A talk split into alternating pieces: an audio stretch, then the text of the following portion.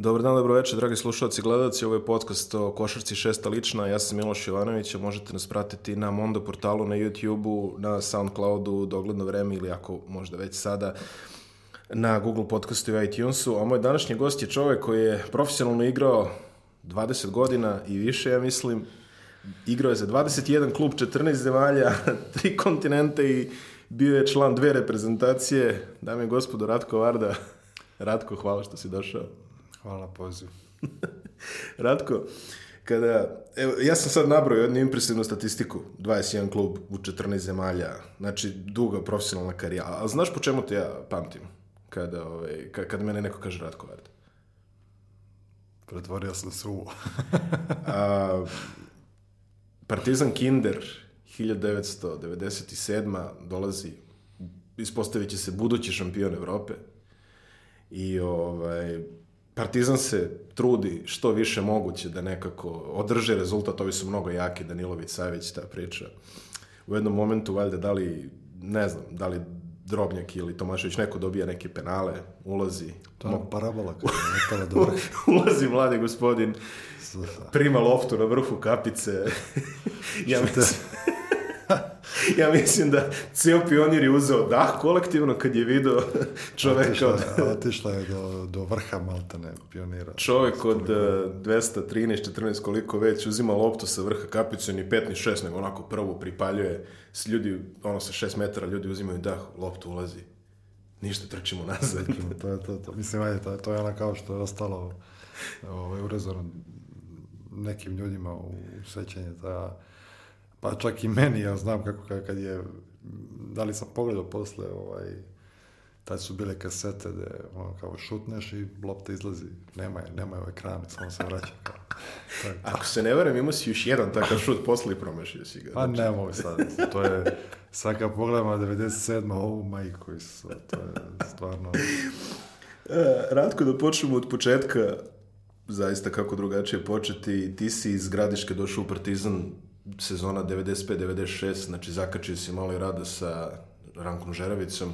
Kako je to izgledalo E, kada ja, sam, dođeš? ja sam došao ovaj, 91. u Partizan. A, no, dobro, mislim, To, 95. da kažem, ja sam prošao sve te Prošao si to, ali 95 postaješ sedmi. E, 95. je kao, guraju me u, u, u prvi tim kao, mislim, ja pričam onako kako su mi pričali Naravno. tada ljudi sad. Ja znam da sam u to vreme bio, da, da kažemo, dominantan u odnosu na ostale svoje vršnjake i tad su me stavili u prvi tim a, i to je bilo sad svoje tačke gledišta naj, jedna od najloših stvari koje je mogla se desi u tom trenutku nekom mladom igraču. Jel? Automatski vi ste zakovani za klupu, nema ulaska, nema ništa, nema šanse.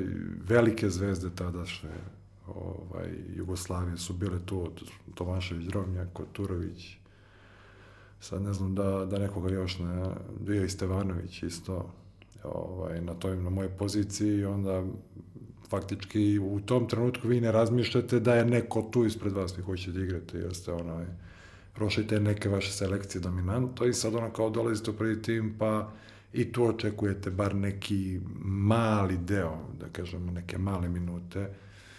I ovaj, do duše i desilo se u nekim utakmicama da je Ranko pokojni ovaj, par puta me i gurnuo u vatru i dao mi tu neku šansu da igram. Ali a, mislim da je bilo jako ovaj, u to vreme nije, nije postojalo neka filozofija gledanja male, mladih igrača, to je tek došlo kad je ovaj, Dule Vujošević uzeo Partizan i da kažemo ranije možda FNP imao samo neku neku ovaj eh, tu matematiku da, da gura mlađe igrače, da, da ih ovaj, stavlja u vatru, ali je to sticanje nekih okolnosti i meni se nije posrećilo tada. Tvoje najveće iskustvo igranja za Partizan je definitivno ta Euroliga koju smo već spomenuli, koja se završila odlaskom na Final Four. Tu si imao još jednu epizodu u Pireju, a o tome ćemo da stignemo. Doćemo. Doći ćemo do toga.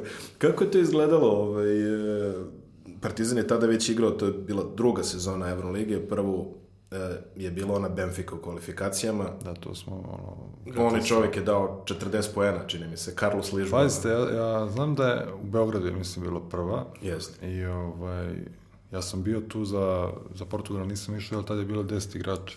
Da. Dozet Milan i ja smo ovaj, ostajali tu kao da ih sačekamo, pa posle opet vo, nosi vodu i Da, da, šta da. već treba.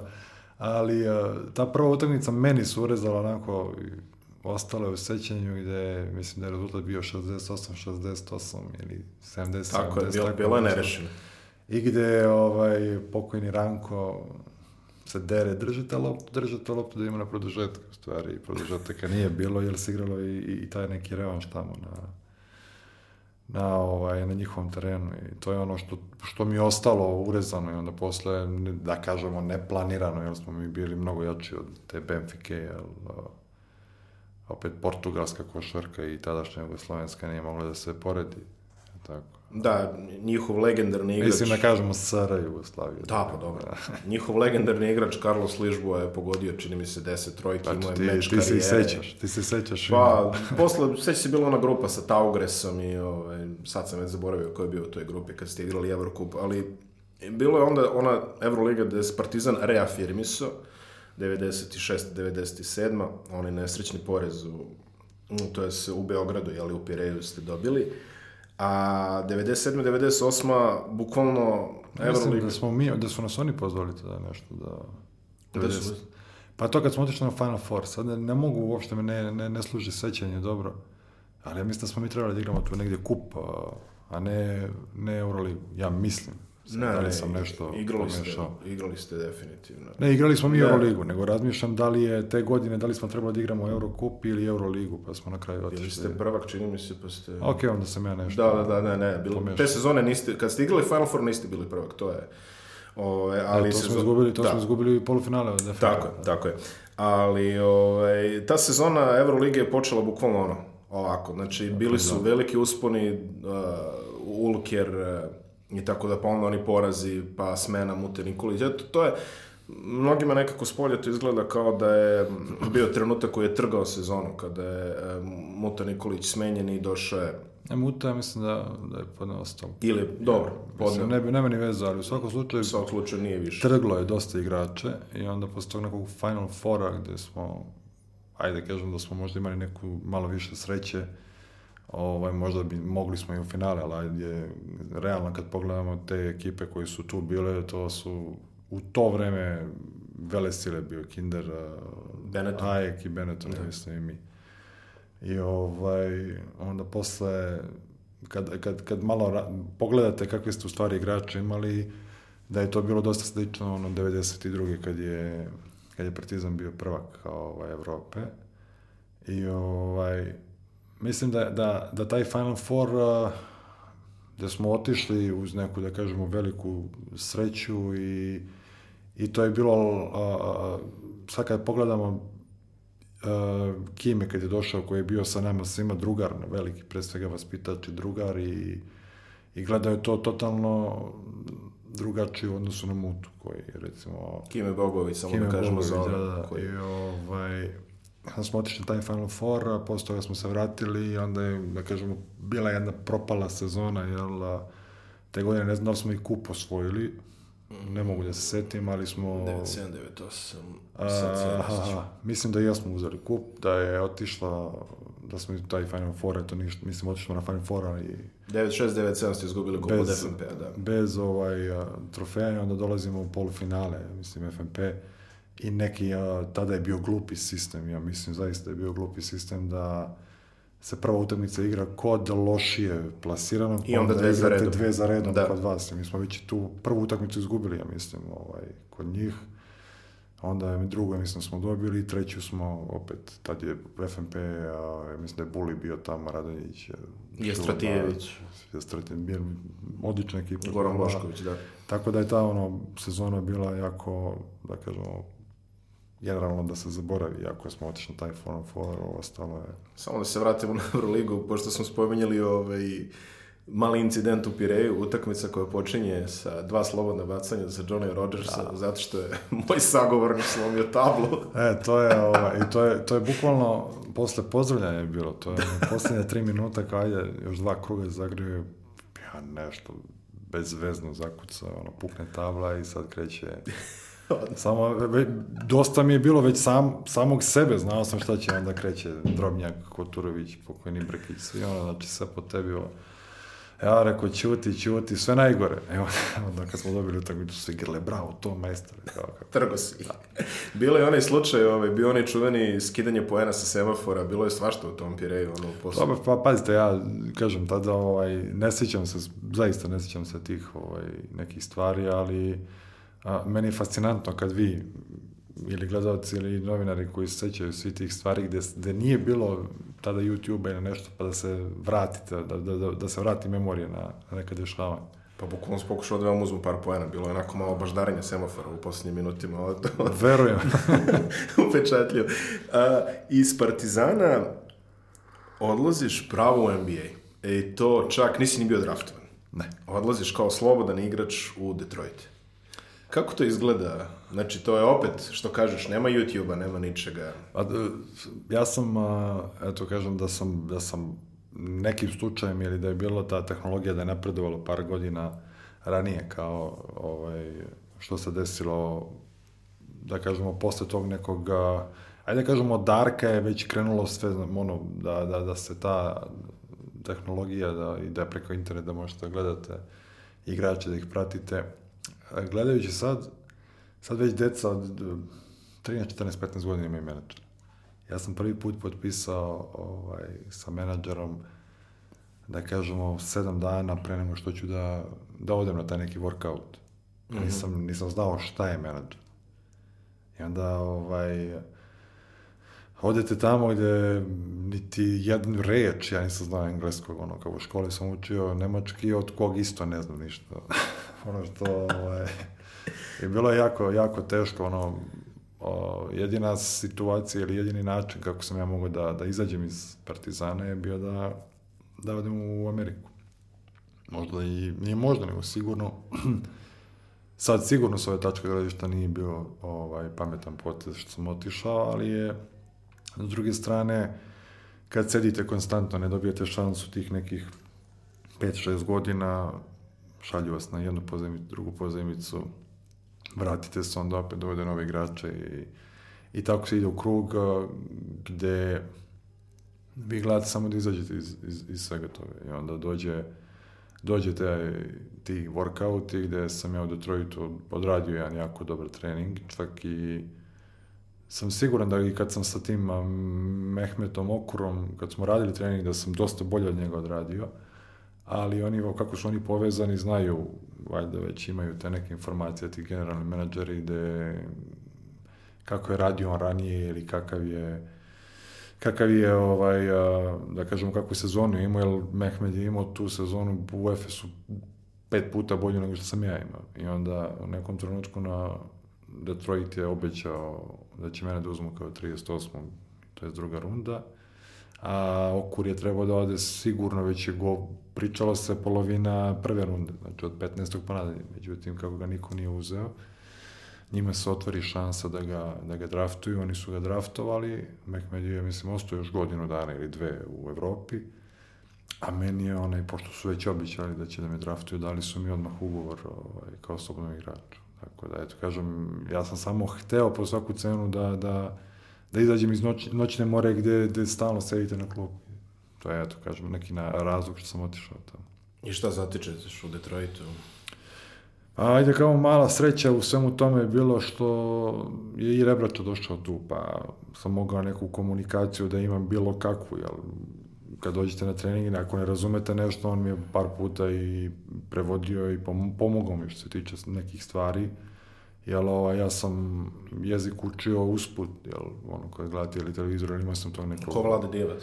Pa, pazite, mislim, kažem, te, tada, te, tada ni interneta tek je počeo da, da, da ovaj, zaživljuje i recimo sad imate taj Google Translate ili šta vas zanima, uzmete i Znači. slušaj ili u krajnjem slučaju slušate ovaj, ući vam nešto u glavu. Tada jednostavno, što imali ste mogućnost gledate TV, imao sam to neku devojku da li je iz Tuzle ili Sarajeva, Alma, mislim da se zvala, koja mi je bil mentor i imali smo one časove dva, tri puta nedeljno. I to je to, je ono, kao već sledeće godine, kad sam otišao u Washington, već sam, da kažem, taj engleski je išao, išao dosta, dosta, dosta dobro. A u Washingtonu zatičeš izvesnog Michaela Jordana. Pa, a izvesni, zamislite. ovaj, to je prvo bio, prvo je bio šok neki za mene, prvo i negativni i pozitivni, a jer a, ja sam bio tada na, kasno je bilo, bili smo, mislim, tada je bio Acapulco aktualna. Negde oko dva ujutro me zove generalni ili zamjenik generalnog i kao, e, draftovan se. Ne draftovan, nego tradovan se. I sad ono šok, kao, šta sad, kao, čekaj, tu sam, tu mi je stan, tu je sve, kako sad ne razumijem. I to je to, ovaj, onda ono, više nema, nema Detroita. Pazite, pre toga, možda mjesec dana ja sam igrao letnju ligu za Detroit i sve ono, već izdogovarali šta, kako, da li će dobijeti šansu. I ovaj, jednom tradovan si tamo i dolazite, kasnije dolazite u Washington i ono, prvi trening, vidite njega, ono, kao, ali kao, ostao si bez vazduha. ali, ovaj, kažem, da je čoveka jedino, ono, kad, imali ste video kasetu Come Fly With Me, mislim se. Jeste, ono. I to je ono, da, da. pušta i non stop vraća, pušta i vraća i konstantno. Sad gledam klinca kako igra ove igrice, ja sam po ceo dan uzeo i sam uguram kasetu i gledaš kao non stop šta radi. I sad ovaj jednom, ej, čekaj, ti si tu pored njega. Evo, ono kao, ja i ne razmišljam kao, ej, kao ja, on je moj saigrač. Ja u principu nisam ni, ni ovaj, a, gledajući Detroit nisam ni očekivao da ću biti nešto tu sad. Kasnije sticam okolnosti, ovaj, a, a, a, ja sam se vratio da gledamo taj neki period kad je pred sezonu gde, gde sam, da kažem, iznenadio i sebe i ostale sa tim nekim, a, nekim mojim igrama gde, gde sam počeo i ishvatio da ću ja u stvari sad dobiti šansu da ću da igram tu. I onda tamo neki peti, šest, sedmi dan tog trening kampa meni pukne zadnja loža i sve lađi padaju, to je to. Nema, samo da sklone sa radara i... A eto, to je iskustvo treninga. Jordan onako strog ko što izgleda ili... Pa ne, strog čovjek koji ne voli da izgubi. To je ono, pazite, te godine, meni je bila druga godina, došao je prvi pik Kwame Brown.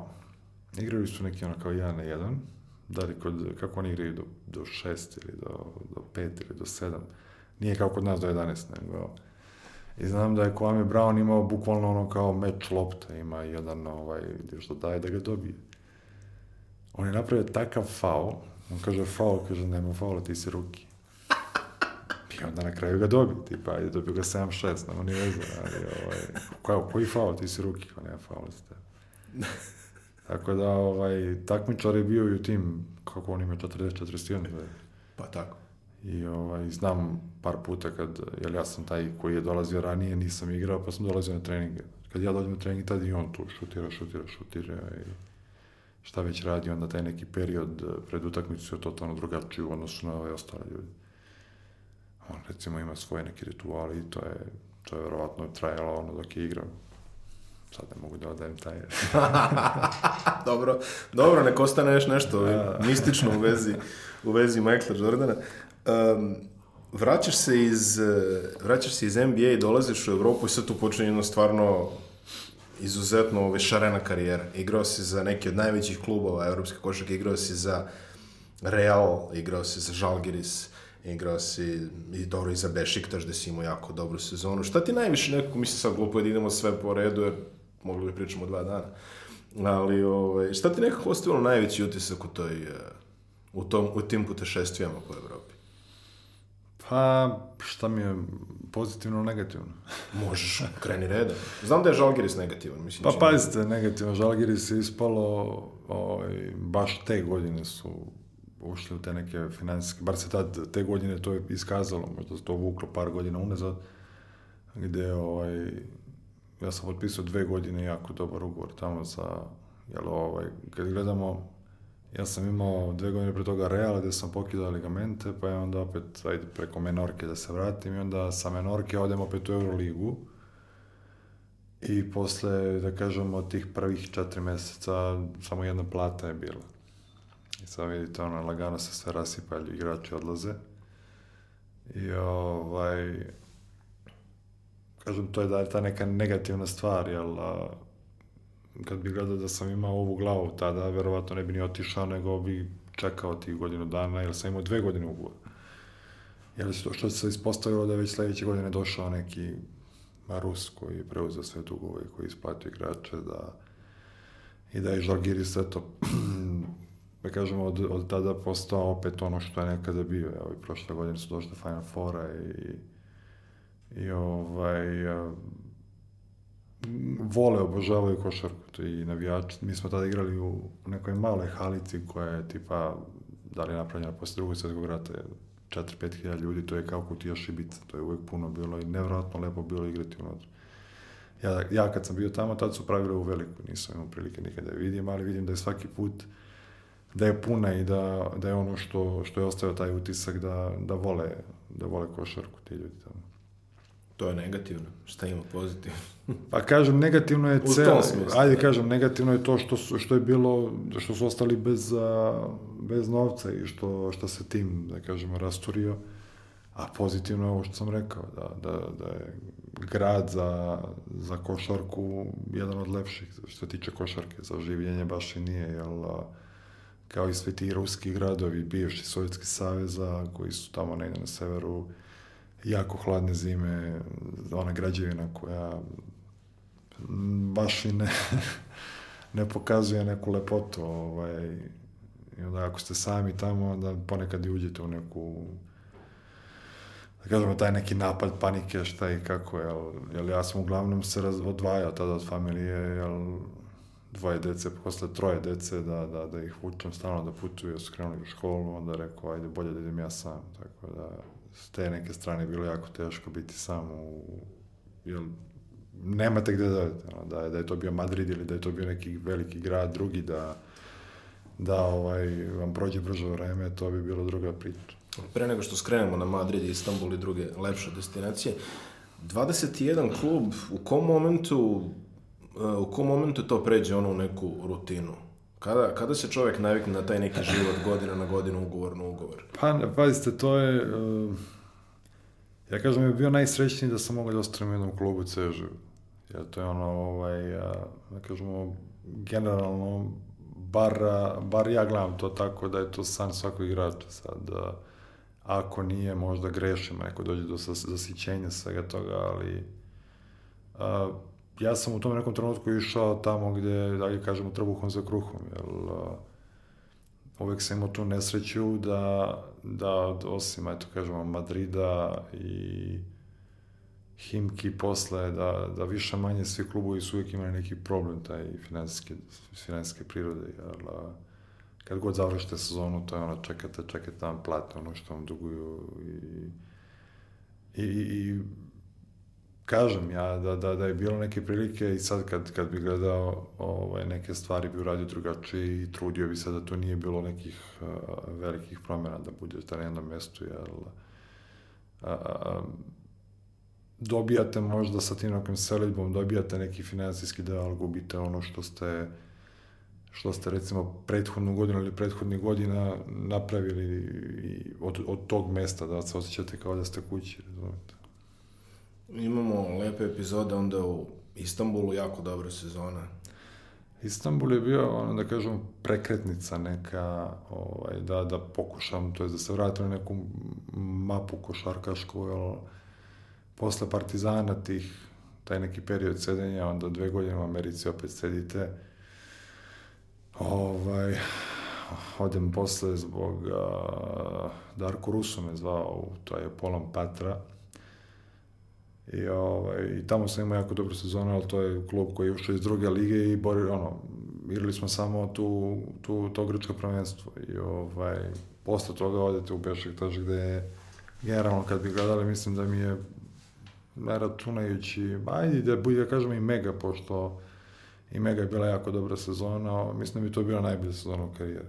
Ja sam konstantno na nekih koliko smo mi brojali, tada 70, recimo 75 utakmice, da sam ovaj, imao konstantne ovaj, cifre, prosek i da, što je najbolje od svega, mi smo bili odmah iza, iza Efesa, znači drugi tim u ligi. Sezona u Realu i cela epizoda u Realu, nažalost, prekinuta zbog povrede. A eto, Novice je priča malo kako je iskustvo igrati za Real. Kako ste to doživali?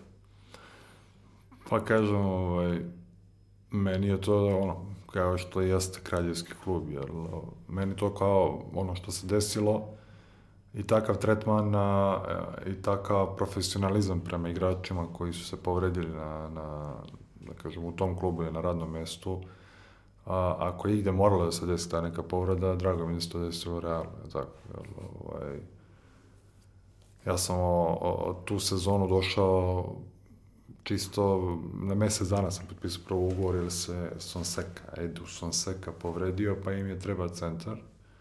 Da bih eto posle tih mesec dana nastavio da kažem, ovaj, produžio ugovor do kraja godine i tamo negde na pola sezone, januar, 9. ako se ne varam, tad sam pokidao ligamente. Tako da, da ovaj, kažem, to je, to je sigurno jedan od, od najvećih, ovaj, ako ne i najveći, sigurno i najveći klub u, u Evropi, možda i, ajde, gledam, ne da ne gledamo šira, ali ajde, u Evropi je sigurno najveći i, i ta publika nije neka kao što su neke košarkaške, ovaj, ti neki košarkaški nacije, ajde kažemo, Litvanci pre, prevashodno i, ajde kod nas i Grci, Oni nemaju taj mentalitet, oni dođu tu da uživaju, sede, navijaju kako navijaju, kraljevski, da kažemo, kraljevski klub i navijači su isto tako gospoda neka. Mislim, ja sad, ako te neki detalji zanimaju, mogu pričam o tome, ali... Pa, slobodno.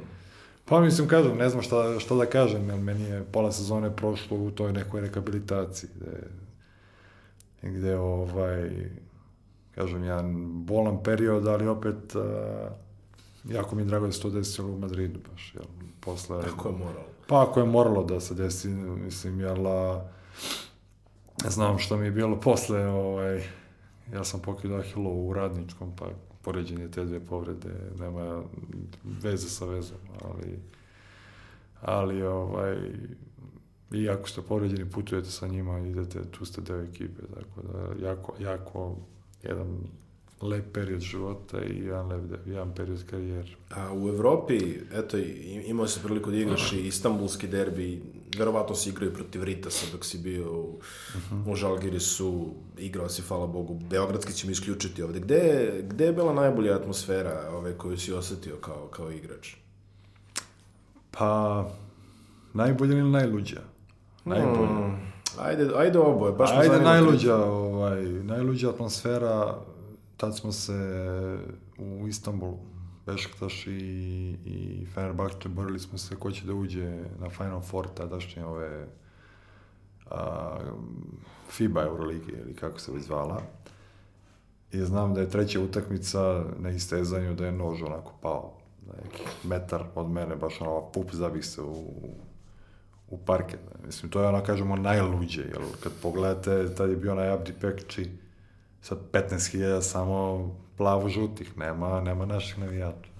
To je ono najluđa atmosfera koju sam ja doživeo, a neka najbolja pozitivna, pa ne znam, mislim, bilo je dosta tih derbija u svim tim nekim a, klubovima, ali ajde izdvojimo isto taj Liban gde kad igra i u Rijadi sa Žesto je isto... To ćemo posebno da pričamo. To je onako nema, ovaj, bar ja nisam osetio da, da, da, da bude nekih uh, problema većih razmera, jer, kažem opet, vojska tu je, nema politika, nego vojska obezbeđuje te manifestacije, onda je samo navijanje. Onda pogledajte, imate Rijadi muslimanski tim, imate Sažas hrišćanski tim i to je taj, taj deo je onako specifičan, to je onako što mi je ostalo. To je ono što sam teo da dođemo ovaj, do toga, osim, znači rekli smo tri kontinenta na početku, uh, osim uh, duge karijere u Evropi... Malo mi je falio Tunis, bile bi Afrika. Znači bio bi četvrti. Bila bi Afrika. Eto. E, onda bi samo još Australija. Australija.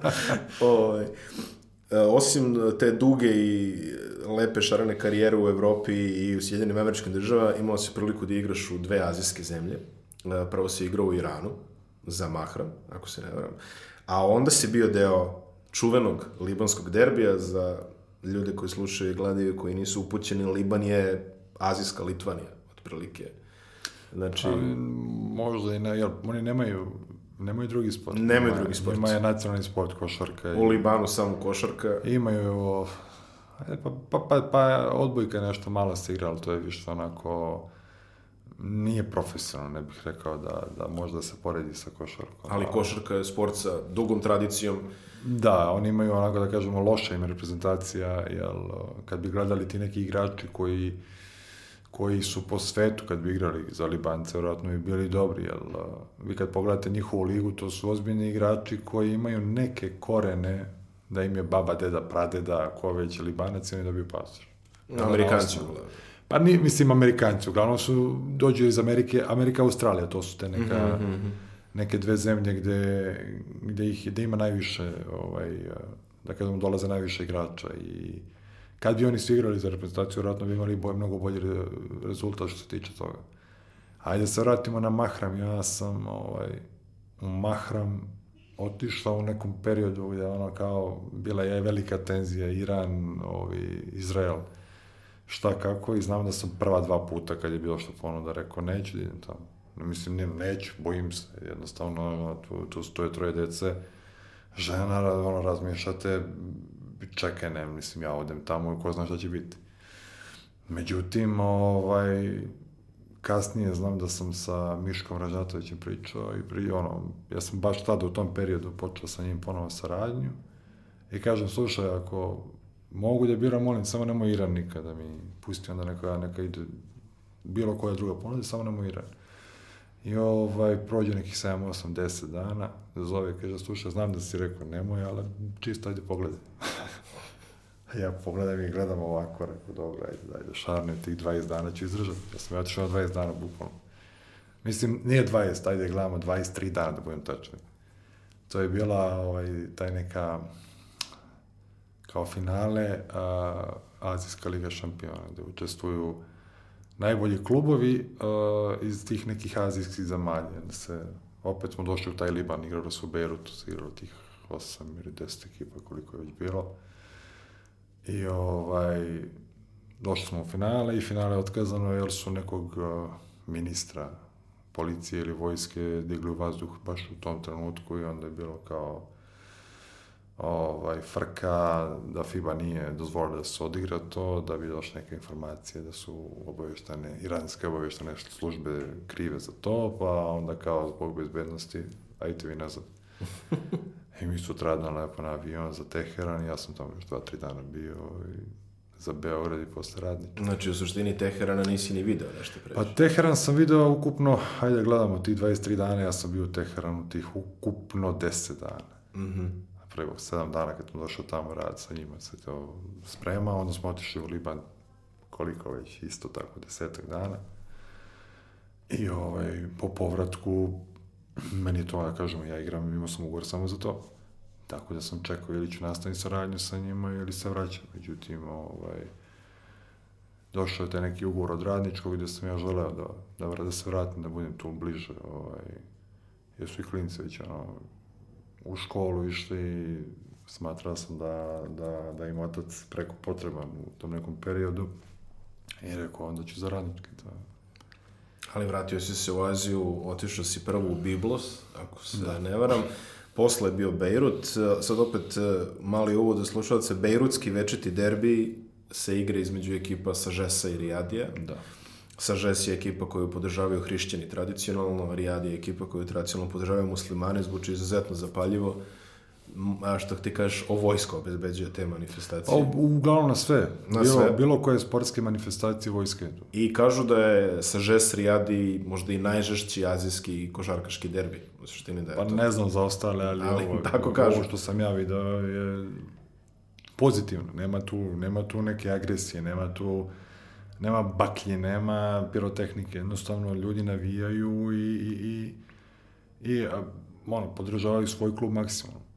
I to je, to je nevjerojatno da, da recimo mi kad, ajde, sa Žesu pričamo, dobili smo dobili smo taj Rijadi i znam da je u slačionicu to, to, to navijači ulaze, to vas nose na, na ramenima. To, I ja znam da tamo čak i u Libanu ono, i političari u svoje platforme ubacuju. Pa pazite, generalno Rijad je nacionalni libanski klub. Ako gledamo, naj, naj, najbolji uh, ono, uh, od uh, osnivanja klubova Sažes je najtrofejniji i najveći libanski klub, međutim, posljednjih, eto, tih nekih 10-15 godina sve je, sve je preko Rijade. On je, to je, to je kao državni projekat i čak šta, šta više mislim da je neko iz vlasti, da možda čak i drži taj klub ili ili je tu. I bilo bilo je govora da, dok je Subotić bio trener, da, da će da igraju čak i Jaba ligu. Je li to ono, mislim, faktički vi ste na... Liban vam je odmah pored Izraela. Mislim, kad je mogo Tel Aviv, što nije moglo i ovo. Ili Kipar vam je odmah tu na 20 minuta avion. I kako je izgledalo živjeti u Beirutu? Prelepo. Zaista Mnogi ljudi kažu to. Prelepo. To je... Uopšte i država kao država nije velika. Ja sam dva puta, jedno sam živeo u Biblosu, drugi put sam živeo ne znam sad kako se zove taj, a, da li je Žunja ili kako već, to vam je od Beiruta nekih 20 km. I vi ako, ako ste neke dobre sreće, pošto uglavnom niste, jer je celokupan život Libanaca je od, da kažemo, od Tripolija do Beiruta, to vam je dva velika grada na kraj na kraju, jer je Liban ako ide u dužinu. Mm -hmm. I onda imate taj autoput a, koja je dužina, mislim, cela oko 50 ili 60 km, to je cela zemlja. I to je, nemaju voz, nemaju ništa drugo, jedino predivno sredstvo da su kola. I sad vi razmislite, ili zamislite četiri ili pet traka gde su konstantno pune kola. Sad vi krenete odatle radnim danom u špicu nekom, za dva sata ne možete preći 20 km. To je, to je, to je jedino, ali ono kad dođete, I mnogo je, meni je bilo mnogo prijatnije da sam tamo, to je mali, recimo taj Biblos je, uh, ja mislim čak i ne u Libanu, nego tamo u Aziji, da je to jedno od turističke atrakcije, ali je stari grad, kao, mm -hmm. kao Budva, Budro, Drub, Budrovnik, Dubrovnik. I ovaj, jako je, ja volim tako ta neka mala ušuškana mesta, onda ako hoćete da odem u grad, odem tamo. ne, odlično, odlično, zaista, eto, lepo, lepo je čuti ovaj, e, tako neka iskustva, da nije ono standardno što bi se reklo Madrid, Barcelona, Atina i tako dalje, kako već pa, ide. mislim, kad bi gledali, ja bih volao da je bilo standardno. E, Ratko, igrao si jako dugo. E, kada, sada kada pogledaš, ovaj, čemu možeš da zahvališ otprilike? Šta ti misliš da te održalo toliko u profesionalnoj košarci?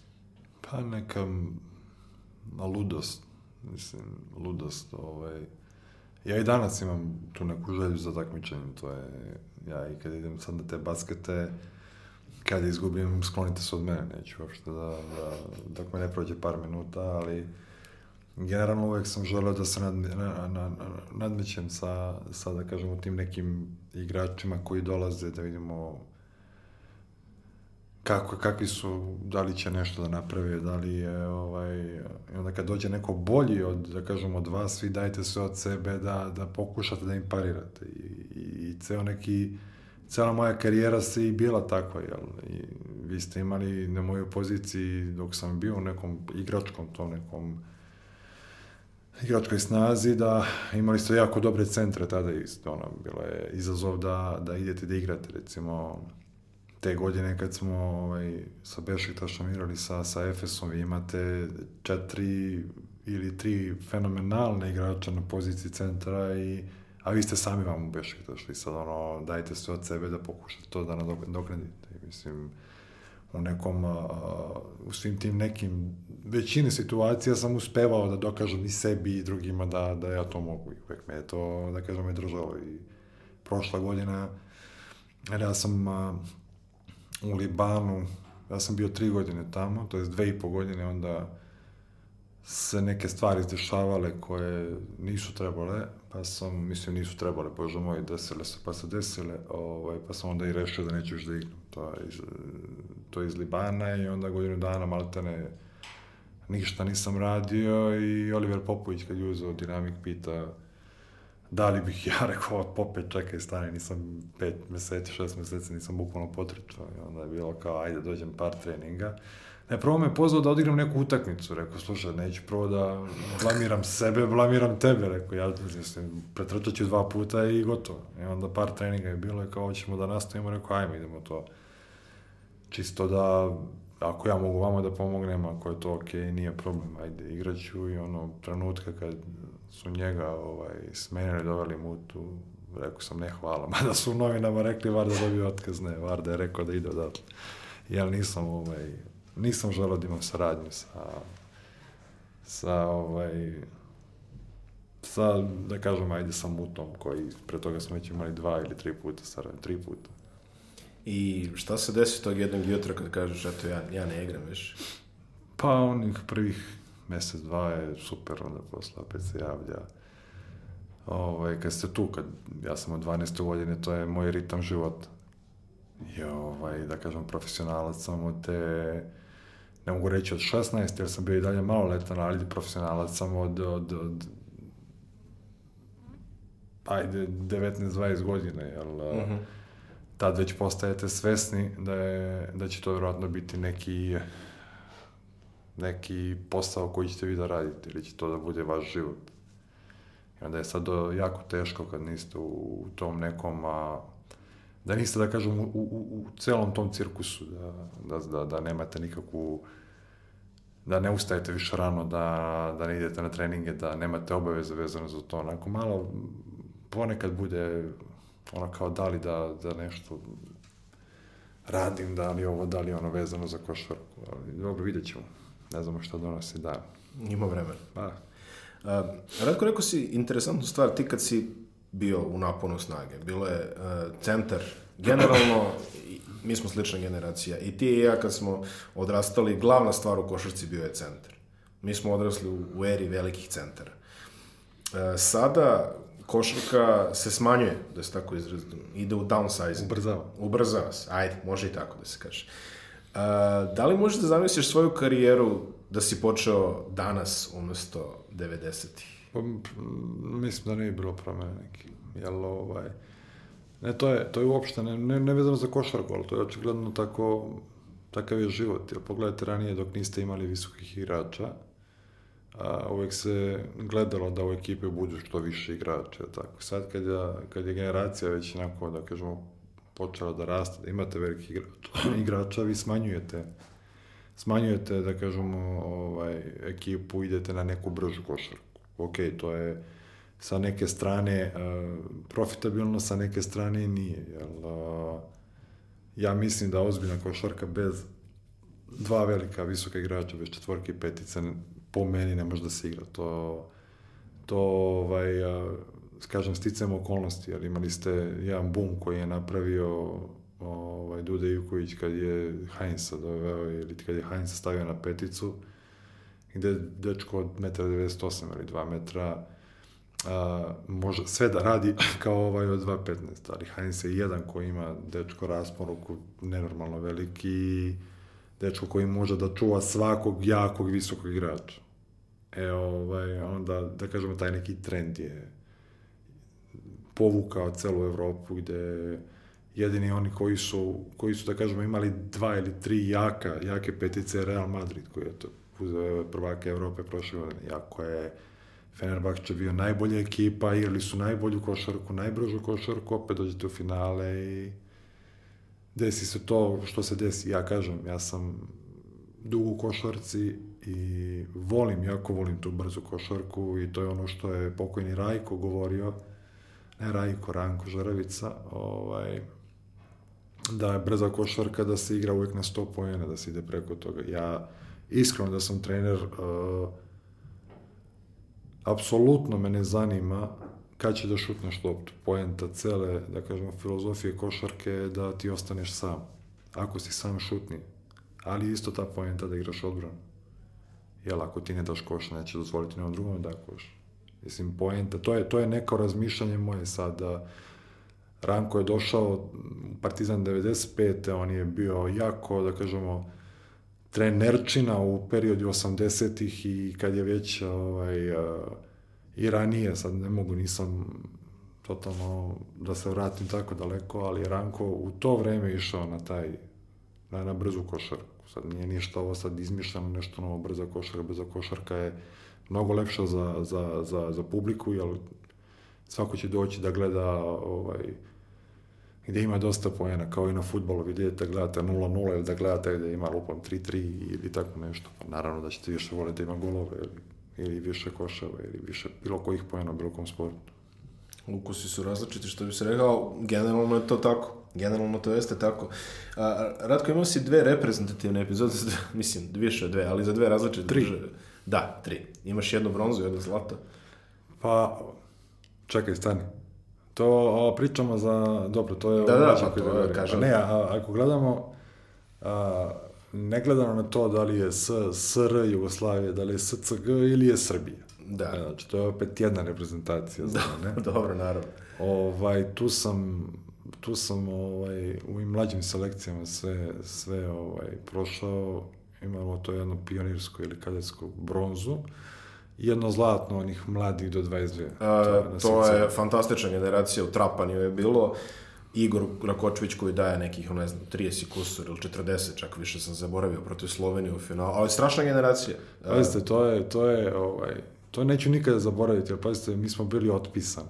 Nas su otpisali već na prepočetka tog, tog prvenstva i to finale sa Slovenijom, to je došlo zahvaljujući, mi smo grupu, jako je- jedva smo prošli grupu.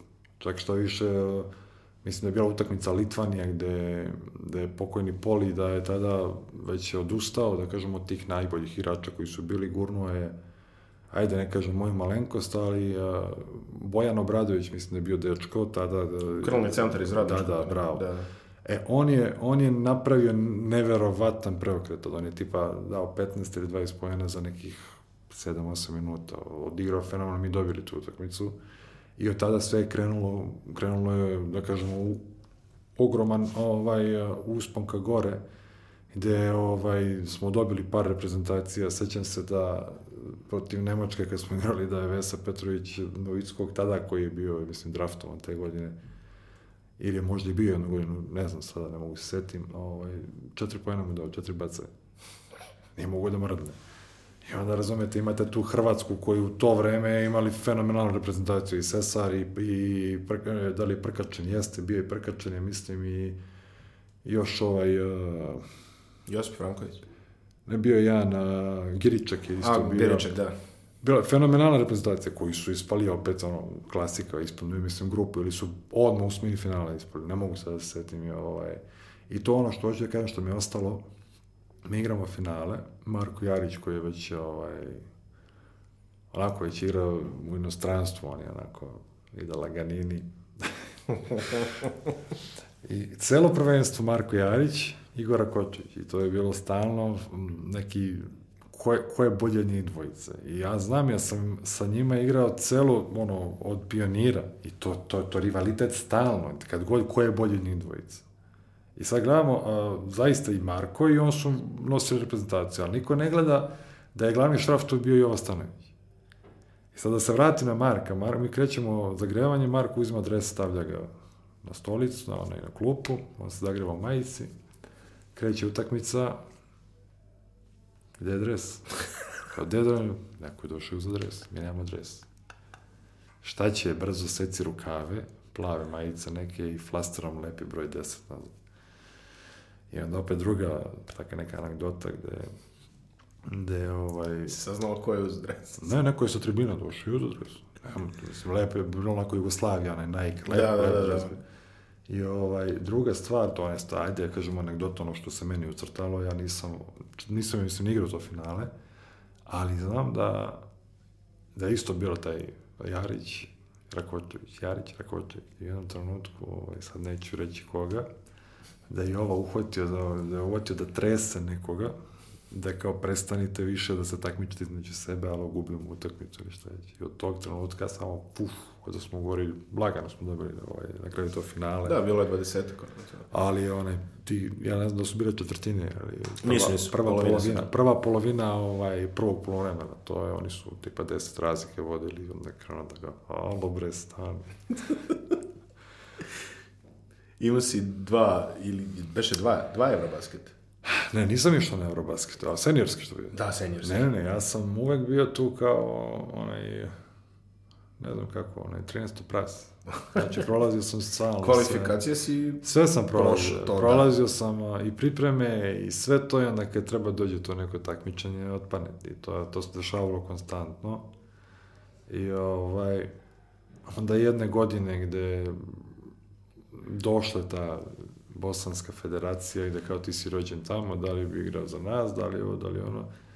Ja kažem, slušaj tako, ja sam, rekao, reprezentativac Srbije ili Jugoslavija, ako oni to dozvole, ja tu ne mogu ništa, mislim, oni ako pošalju papire tamo njima u savez, onda više nemate vi da razmišljate hoćete ili nećete. Sad, kasnije kažete, e, igraću za vas ili neću, ali ako se vas, ko u ovom slučaju mene Srbija, Srbija za mene ona je postala moje papire na njihov, bez da me iko, da me iko kontaktirao i da je bilo šta pitao za to.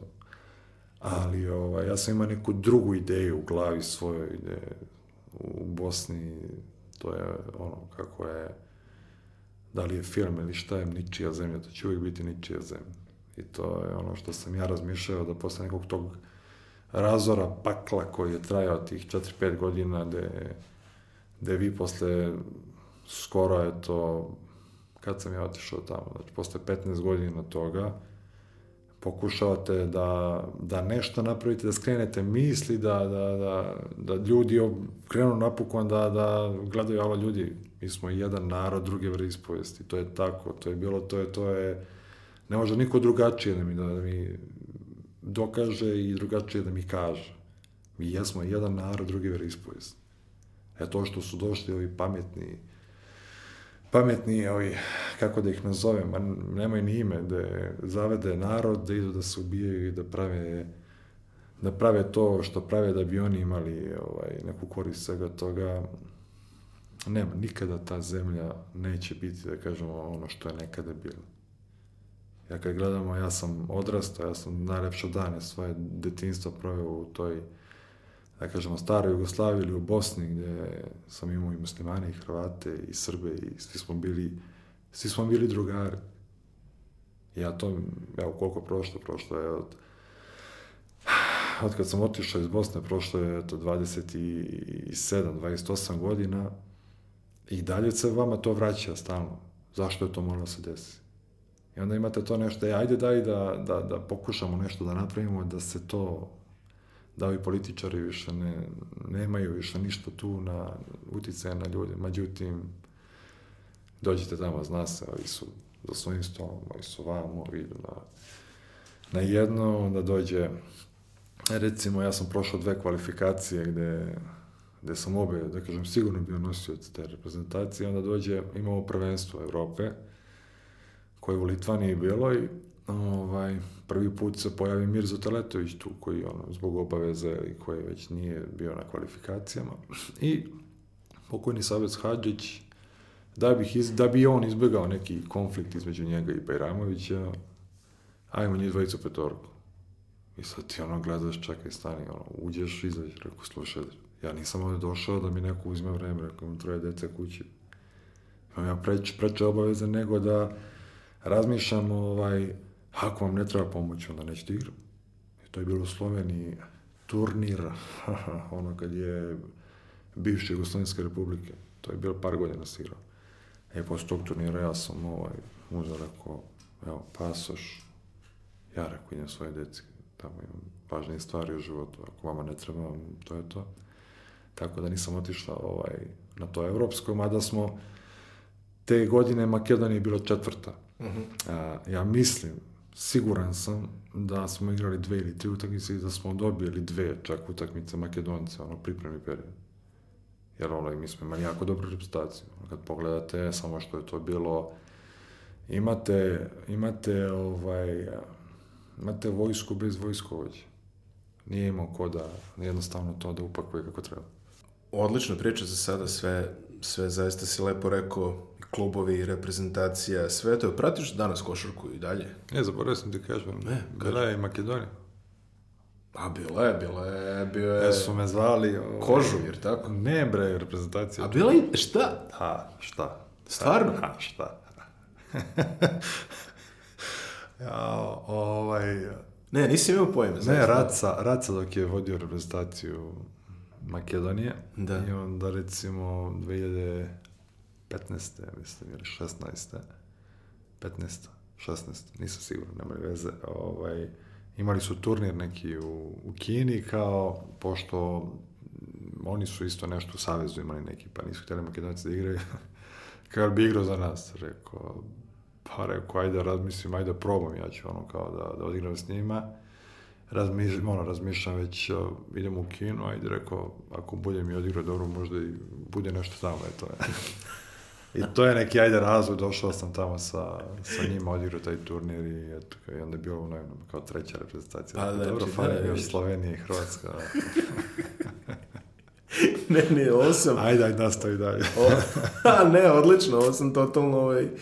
Pot, čekaj, šta je, si pasoš dobio ili si ovako bio priključen i samo sam, ovaj, imali su te, te neke Wild card. turneju po, po, po Kini igrali smo pod ono, makedonska zastava. Aha, To aha. su bili, ovaj, Dobro, znači nešto suštinski nezvanično. Ali ona je, piše Pa mislim, Piše se. kažem, eto,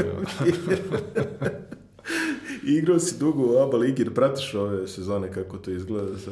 Pa s vremena na vreme pogledam uglavnom ove ekipe koje su, da kažemo, pri vrhu Zvezda, Partizan, to pokušam da, da ispratim svaku.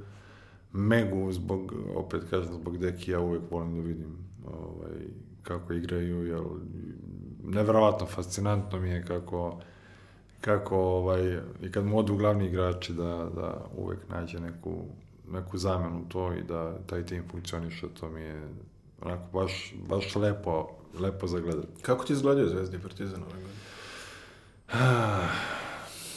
Kao i ovih prethodnih, opet samo Zvezda, Partizan, Partizan, Zvezda. Ja ću da budem, ovaj, ako Bog da, da, da se vratim u, u srpsku košarku onog trenutka kad se bude otvorilo malo više vidika, ne samo se gleda na da se generalizujemo na Zvezdu i Partizan. Ja jesam partizanovac, grobar, jesam veliki, to ne krijem, ali bih isto tako voleo da osim Partizana i Zvezde postoji i tamo neki Spartak, Vojvodina, Radnički i ko je već bio tamo Ergonom, taj Niš i Zdravlje Leskovac ili već Šabac. Sloga, Šav, nebitno. Jer kad pogledate, vi ste ugasili sve sve centre koji su postojali ovaj, košarkaški, da bi se sve opet a, ono, držalo za beogradski pošalk. Jer opet pogledate sve najbolje ekipe sad trenutno su iz Beograda.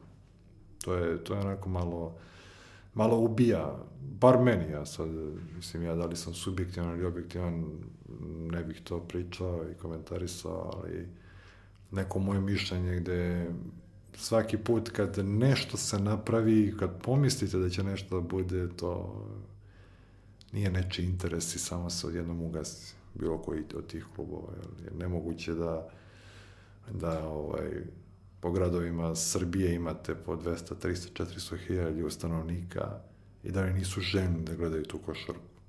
Mislim, ne košarku, bilo koji sport. Mm.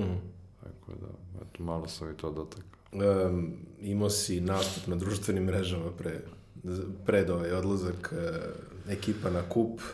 Ne moramo da se sad vraćamo na to, ali napravimo poveznicu kada si ti igrao Final Four sa Partizanom 98. Vi ste imali nula stranaca. Ne, nemam ja ništa protiv stranaca. Ne, znam da ne. Stranci su tu Ali- da bi nas, to jest da bi igrače te koji su činili boljim. Ali vi ne možete načiniti nikoga boljim ukoliko a, vi njemu totalno zatvorite put, vi do- dovedete 5, 6, 7 stranaca i da taj mali klinac ili neki naš igrač nema od koga šta ni da nauči. Možda gleda te treninge, šta dođe u utakmice, šta da nauči. Da gleda kako igraju stranci. Ok, shvatam. A imamo strance, pa je moguće da ima samo strance Zvezda i Partizan?